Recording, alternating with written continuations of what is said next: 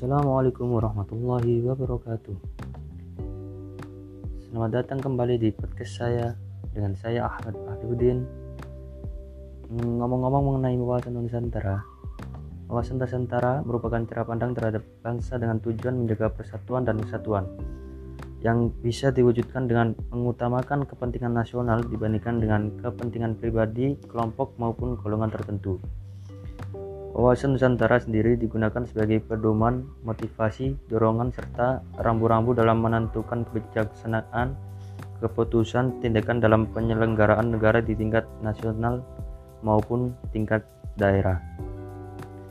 Wawasan Nusantara memiliki tujuan menjamin kepentingan nasional dalam era globalisasi yang semakin mendunia maupun kehidupan dalam negeri.